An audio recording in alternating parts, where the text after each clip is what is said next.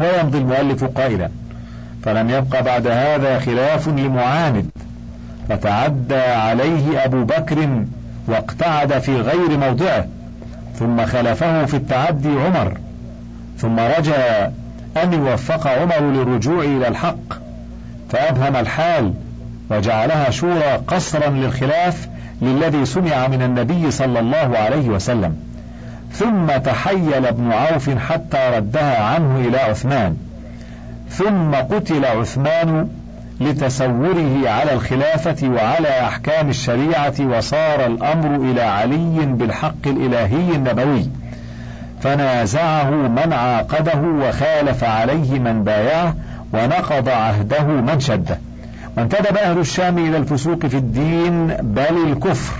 وهذه حقيقة مذهبهم أن الكل عندهم كفرة لأن من مذهبهم التكفير بالذنوب وكذلك تقول هذه الطائفة التي تسمى بالإمامية. إن كل عاص بكبيرة كافر وعلى رسم القدرية ولا أعصى من الخلفاء المذكورين ومن ساعدهم على أمرهم وأصحاب محمد صلى الله عليه وسلم أحرص الناس على دنيا وأقلهم حمية على دين وأهدمهم لقاعدة وشريعة. وجاء في في الهامش تعليقا على هذه القاصمة ما يأتي. قال وانتدب أهل الشام إلى الفسوق في الدين بل الكفر.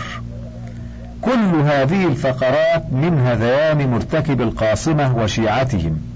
وقد أجاب المؤلف في العاصمة التالية مدحضا سخافاتهم ولكن اتسع عليه ميدان القول ففاته الكلام عن موقف أهل الشام من هذه الفتن التي وقعت في الإسلام. وقد رأيت في الصفحة الحادية والعشرين بعد المئة قول ابن الكوى أحد زعماء الفتنة وهو يصف أشباهه في الأمصار الكبرى. يقول وأما أهل الأحداث من أهل الشام فأطوع الناس لمرشدهم وأعصاهم لمغويهم.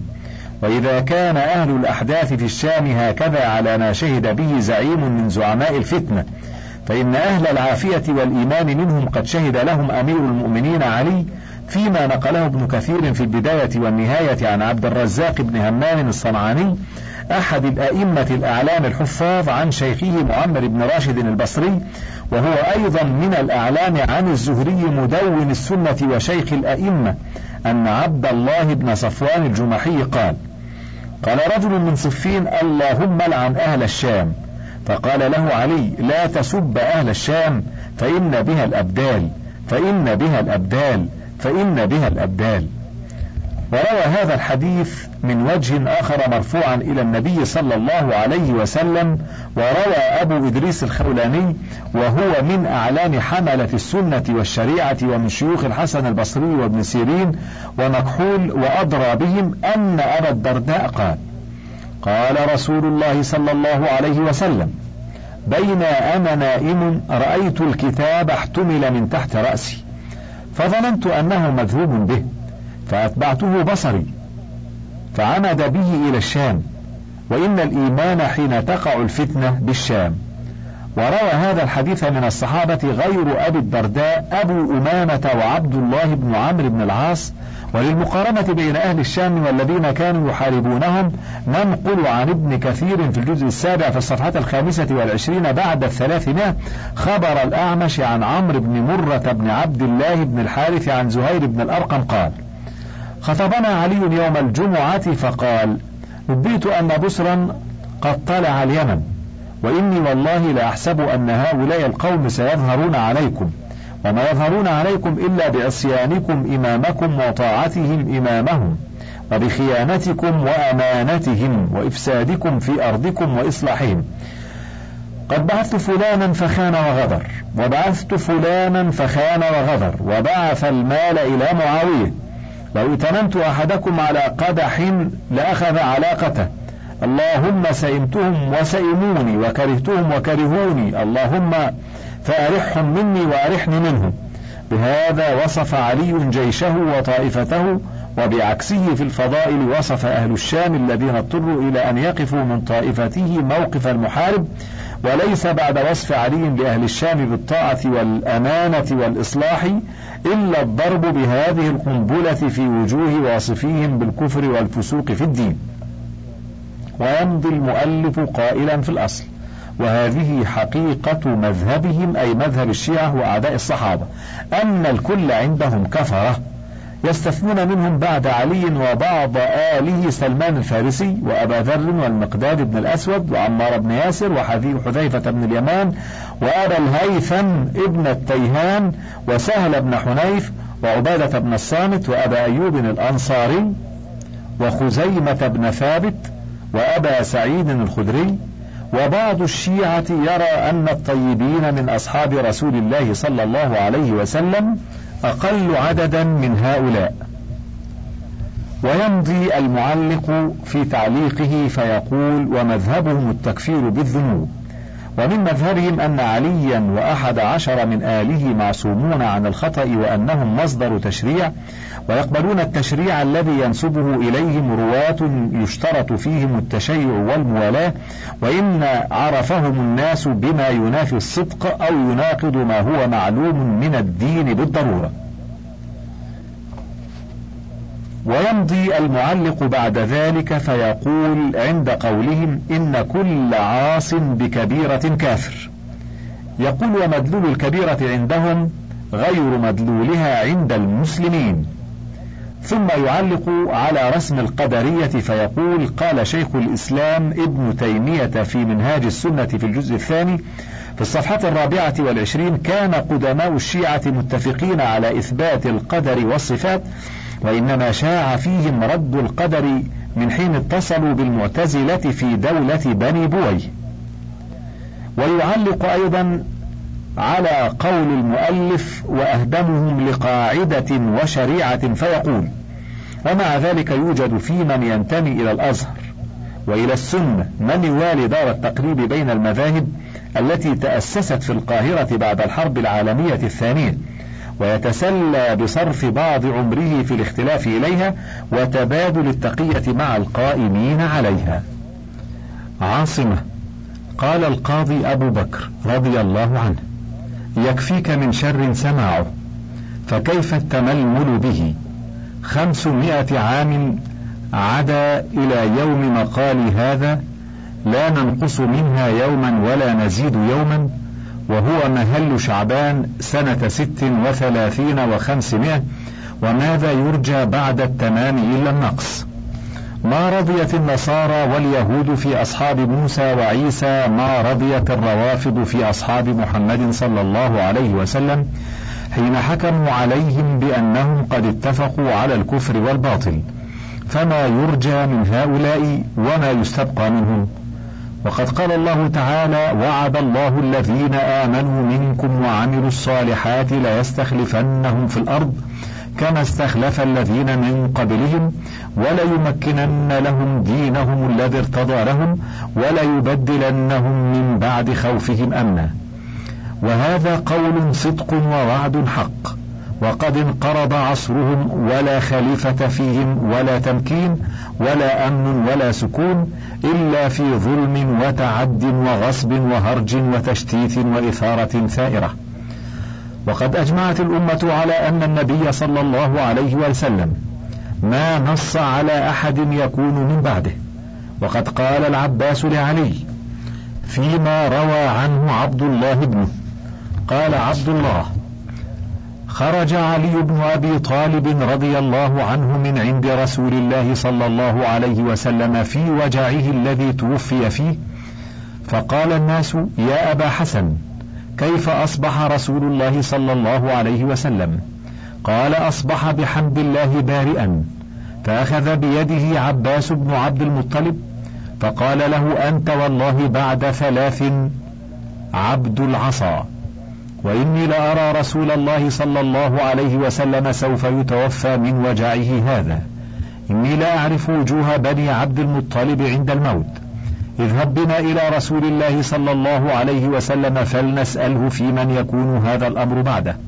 فإن كان فينا علمنا ذلك وإن كان في غيرنا علمنا فأوصى بنا.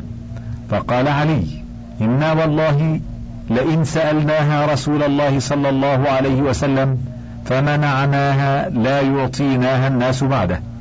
وإني والله لا أسألها رسول الله صلى الله عليه وسلم. قال القاضي أبو بكر رضي الله عنه رأي العباس عندي أصح وأقرب إلى الآخرة والتصريح بالتحقيق وهذا يبطل قول مدعي الإشارة باستخلاف علي فكيف أن يدعى فيه نص؟ فأما أبو بكر فقد جاءت امرأة إلى النبي صلى الله عليه وسلم فأمرها أن ترجع إليه.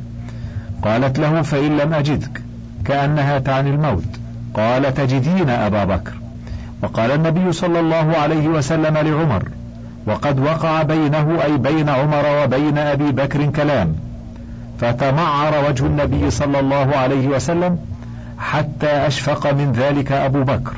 وقال النبي صلى الله عليه وسلم هل أنتم تاركوا لي صاحبي مرتين إني بعثت إليكم فقلتم كذبت وقال أبو بكر صدقت ألا إني أبرأ إلى كل خليل من خلته؟ وقال النبي صلى الله عليه وسلم لو كنت متخذا في الإسلام خليلا لاتخذت أبا بكر خليلا ولكن أخي وصاحبي. وقد اتخذ الله صاحبكم خليلا لا يبقين في المسجد خوخة إلا خوخة أبي بكر. وقد قال النبي صلى الله عليه وسلم بين أنا نائم رأيتني على قليب عليها دلو. فنزعت منها ما شاء الله ثم أخذها ابن أبي قحافة فنزع منها ذنوبا أو ذنوبين وفي نزعه ضعف والله يغفر له. ثم استحالت غربا فأخذها ابن الخطاب فلم أر عبقريا من الناس ينزع نزع عمر حتى ضرب الناس بعطن وقد ثبت أن النبي صلى الله عليه وسلم صعد أحدا وأبو بكر وعمر وعثمان رضي الله عنهم فرجف بهم فقال اثبت أحد فإنما عليك نبي وصديق وشهيدان. وقال صلى الله عليه وسلم لقد كان في من كان قبلكم من بني إسرائيل رجال يكلمون من غير أن يكونوا أنبياء فإن يكن في أمتي منهم أحد فعمر. وقال النبي صلى الله عليه وسلم لعائشة رضي الله عنها في مرضه ادعي لي أبا بكر وأخاك حتى أكتب كتابا فإني أخاف أن يتمنى متمن ويقول أنا أولى ويأبى الله والمؤمنون إلا أبا بكر. وقال ابن عباس إن رجلا أتى النبي صلى الله عليه وسلم فقال يا رسول الله إني أرى الليلة في المنام ظلة تنطف السمن والعسل فأرى الناس يتكففون بأيديهم فالمستكثر والمستقل وأرى سببا واصلا من السماء إلى الأرض فأراك أخذت به فعلوت ثم أخذ به رجل آخر فعلا به ثم أخذ به رجل آخر فعلا به ثم أخذ به رجل آخر فانقطع ثم وصل له فعلا وذكر الحديث. ثم عبرها أبو بكر فقال وأما السبب الواصل من السماء إلى الأرض فالحق الذي أنت عليه فأخذته فيعليك الله. ثم يأخذ به رجل آخر بعدك فيعلو به. ثم يأخذه رجل آخر فيعلو به. ثم يأخذه رجل آخر فينقطع به. ثم يوصل فيعلو به.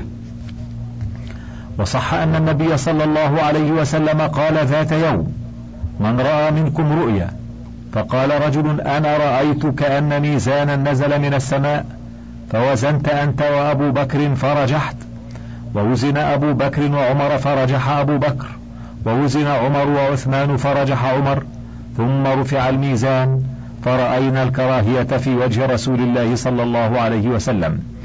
وهذه الأحاديث جبال في البيان وجبال في السبب إلى الحق لمن وفقه الله.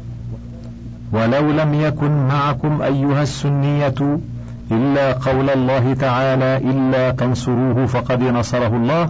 إذ أخرجه الذين كفروا ثاني اثنين إذ هما في الغار فجعلها في نصيف وجعل أبا بكر في نصيف آخر وقام معه جميع الصحابة. وإذا تبصرتم هذه الحقائق فليس يخفى منها حال الخلفاء في خلالهم وولايتهم وترتيبهم خصوصا وعموما. وقد قال الله تعالى وعد الله الذين آمنوا منكم وعملوا الصالحات ليستخلفنهم في الأرض كما استخلف الذين من قبلهم وليمكنن لهم دينهم الذي ارتضى لهم وليبدلنهم من بعد خوفهم أمنا يعبدونني لا يشركون بي شيئا. وإذا لم ينفذ هذا الوعد في الخلفاء فلمن ينفذ؟ وإذا لم يكن فيهم فبمن يكون؟ والدليل عليه انعقاد الإجماع أنه لم يتقدمهم في الفضيلة أحد إلى يومنا هذا ومن بعدهم مختلف فيه. وأولئك مقطوع بهم متيقن إمامتهم ثابت نفوذ وعد الله لهم. فإنهم ذبوا عن حوزة المسلمين وقاموا بسياسة الدين. قال علماؤنا ومن بعدهم تبع لهم من الأئمة الذين هم أركان الملة ودعائم الشريعة الناصحون لعباد الله الهادون من استرشد إلى الله فأما من كان من الولاة الظلمة فضرره مقصور على الدنيا وأحكامها وأما حفاظ الدين فهم الأئمة العلماء الناصحون لدين الله وهم أربعة أصناف الصنف الأول حفظوا أخبار رسول الله صلى الله عليه وسلم وهم بمنزلة الخزان لأقوات المعاش.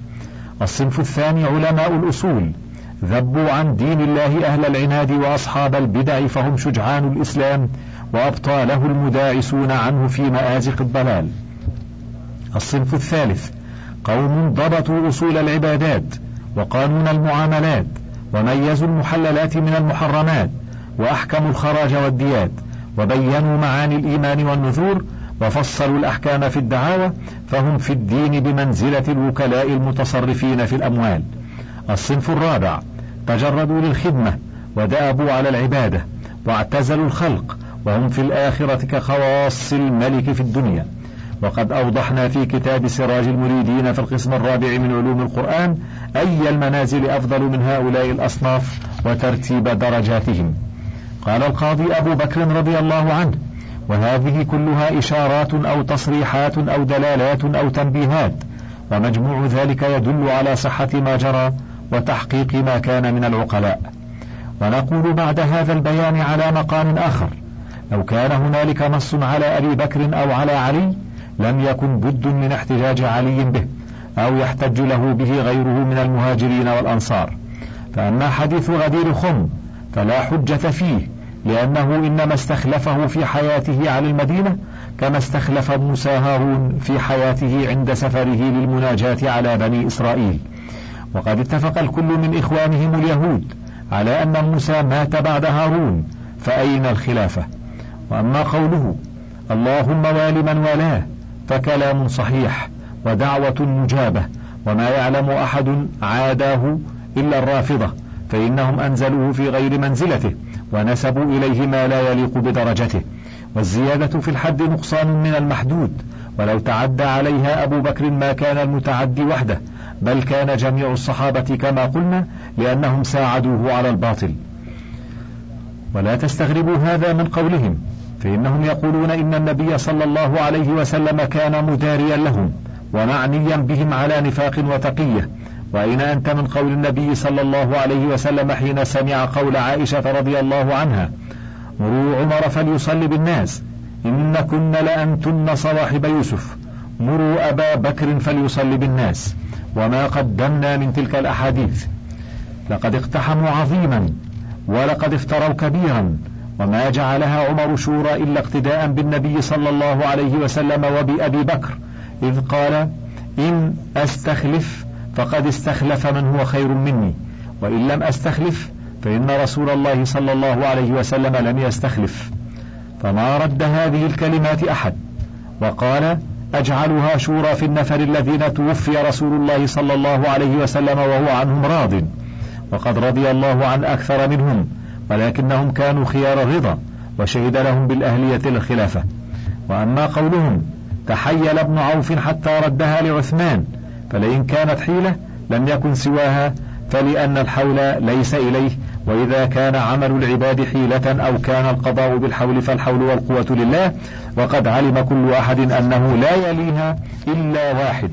فاستبد عبد الرحمن بن عوف بالأمر بعد أن أخرج نفسه على أن يجتهد للمسلمين في الأسد والأشد فكان كما فعل وولاها من استحقها ولم يكن غيره أولى منه بها. حسب ما بينا في مراتب الخلافة من أنوار الفجر وفي غيره من كتب الأحاديث. وقتل عثمان فلم يبق على الأرض أحق بها من علي فجاءته على قدر في وقتها ومحلها. وبين الله على يديه من الأحكام والعلوم ما شاء الله أن يبين. وقد قال عمر لولا علي لهلك عمر. وظهر من فقهه وعلمه في قتال أهل القبلة. من من استدعائهم ومناظراتهم وترك مبادرتهم والتقدم إليهم قبل نصب الحرب معهم وندائه لا نبدأ بالحرب ولا يتبع مول ولا يجهز على جريح ولا تهاج امرأة ولا نغنم لهم مالا وأمره بقبول شهادتهم والصلاة خلفهم حتى قال أهل العلم لولا ما جرى ما عرفنا قتال أهل البغي. وأما خروج طلحة والزبير فقد تقدم بيانه. وأما تكفيرهم للخلق فهم الكفار. وقد بينا أحوال أهل الذنوب التي ليس منها سب في غير ما كتاب وشرحناها في كل باب. فإن قيل فقد قال العباس في علي ما رواه الأئمة أن العباس وعليا اختصما عند عمر في شأن أوقاف رسول الله صلى الله عليه وسلم. فقال العباس لعمر يا أمير المؤمنين اقض بيني وبين هذا الظالم الكاذب الآثم الجائر. فقال الرهط لعمر يا أمير المؤمنين اقض بينهما وارح أحدهما من الآخر. فقال عمر أنشدكم الله الذي بإذنه تقوم السماء والأرض. هل تعلمون أن رسول الله صلى الله عليه وسلم قال لا نورث ما تركنا صدقة؟ يريد بذلك نفسه؟ قالوا قد قال ذلك. فأقبل على العباس وعلي. فقال أنشدكم الله. هل تعلمان أن رسول الله صلى الله عليه وسلم قال ذلك؟ قال نعلم. قال عمر إن الله خص رسول الله صلى الله عليه وسلم في هذا الفيء بشيء لم يعطه أحدا غيره فعمل فيها رسول الله صلى الله عليه وسلم حياته ثم توفي. فقال أبو بكر أنا ولي رسول الله صلى الله عليه وسلم فقبضها سنتين في إمارته فعمل فيها بما عمل رسول الله صلى الله عليه وسلم وأنتما تزعمان أن أبا بكر كاذب غادر خائن. والله يعلم أنه لصادق بار راشد تابع للحق. وذكر الحديث. قلنا أما قول العباس لعلي فقول الأب للابن وذلك على الرأس محمول وفي سبيل المغفرة مبذول وبين الكبار والصغار فكيف الآباء والأبناء مغفور وموصول؟ وأما قول عمر إنه ما اعتقد أن أبا بكر ظالم خائن غادر فإنما ذلك خبر عن الاختلاف في نازلة وقعت من الأحكام رأى فيها هذا رأيا ورأى فيها أولئك رأيا فحكم أبي بكر وعمر بما رأيا ولم يرى العباس على ذلك ولكن لما حكم سلم لحكمهما كما يسلم لحكم القاضي في المختلف فيه وأما المحكوم عليه فرأى أنه قد وهم ولكن سكت وسلم. فإن قيل إنما يكون ذلك في أول الحال والأمر لم يظهر إذ كان الحكم باجتهاد. وأما بعد أن أدى هذا الحكم إلى منع فاطمة والعباس الميراث بقول النبي صلى الله عليه وسلم لا نورث ما تركنا صدقة. وعلمه أزواج النبي صلى الله عليه وسلم وأصحابه والعشرة وشهدوا به فبطل ما قلتموه. قلنا يحتمل أن يكون ذلك في أول الحال والأمر لم يظهر بعد. فرأي أن خبر الواحد في معارضة القرآن والأصول والحكم المشهور في الزمن لا يعمل به حتى يتقرر الأمر فلما تقرر سلم وانقاد بدليل ما قدمنا من الحديث الصحيح إلى آخره. فلينظر فيه. وهذا أيضا ليس بنص في المسألة لأن قوله لا نورث ما تركنا صدقة يحتمل أن يكون لا يصح ميراثنا ولا أن أهل له لأنه ليس لي ملك ولا تلبست بشيء من الدنيا ينتقل إلى غير عني. ويحتمل لا نورث حكم. وقوله ما تركنا صدقة حكم آخر معين أخبر به أنه قد أنفذ الصدقة فيما كان بيده من سهمه المتصير إليه بتسويغ الله له وكان من ذلك مخصوصا بما لم يوجف المسلمون عليه بخيل ولا ركاب. وكان له سهمه مع المسلمين فيما غنموا بما أخذوه عنوة ويحتمل أن يكون صدقة منصوبا على أن يكون حالا من المتروك. إلى هذا أشار أصحاب أبي حنيفة وهو ضعيف وقد بيناه في موضعه بيد أنه يأتيك في هذا أن المسألة مجرى الخلاف ومحل الاجتهاد وأنها ليست بنص من النبي صلى الله عليه وسلم فتحتمل التصويب والتخطئة من المجتهدين والله أعلم. انتهى الشريط الثامن وللكتاب بقية على الشريط التالي.